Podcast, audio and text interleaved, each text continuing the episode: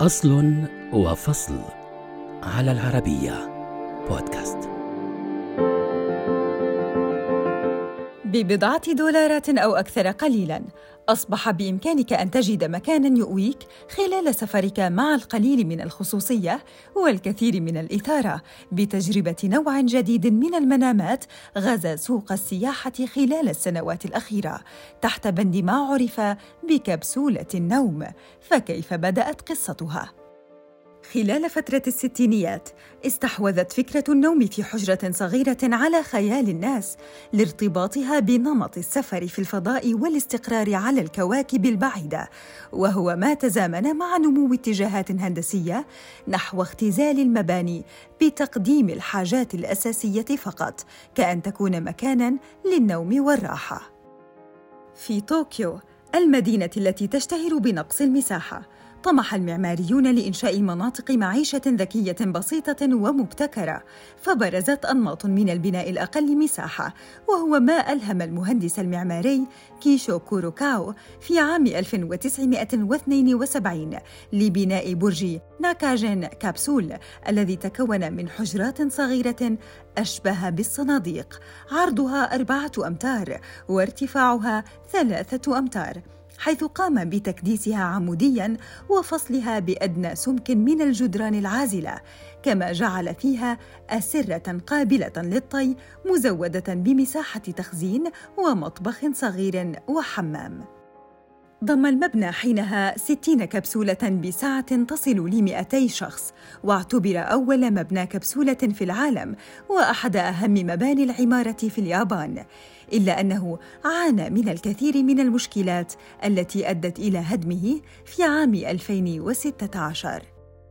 في عام 1979 نجح كوروكاو في تصميم فندق كابسول إن أوساكا كأول فندق كبسولة في العالم الذي تكون من كبسولات بعرض ستة أقدام ونصف وبطول ثلاثة أقدام مع ارتفاع قدمين ونصف فقط بما يكفي لتضم أجهزة تلفزيون صغيرة وضوءا وساعة ومنبها ومنافذ وقد تميزت الإقامة فيها بأسعارها المنخفضة وكانت ملاذا جيدا للعمال والمسافرين كثيري الترحال.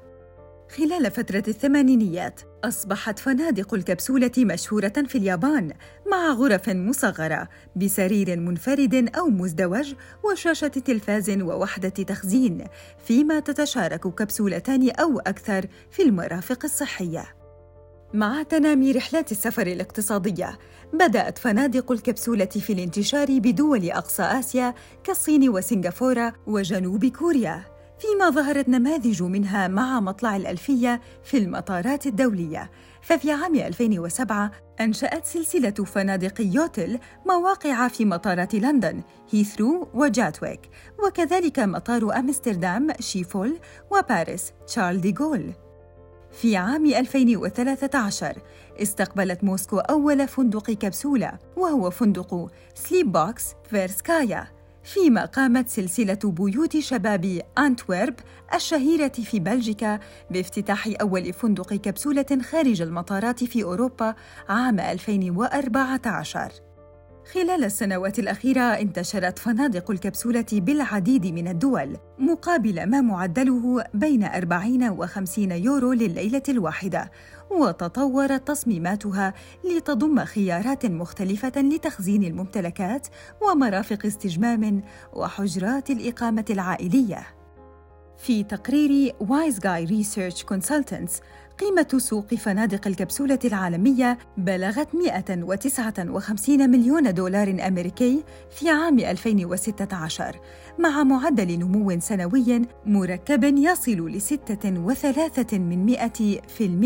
خلال الفترة بين 2016 و 2022 ما جعل من هذه السوق الاقتصادية واحدة من مساحات الاستثمار الكبرى على مستوى العالم بعد أن كان مجرد فكرة للتعامل مع أزمة الانفجار السكاني باليابان.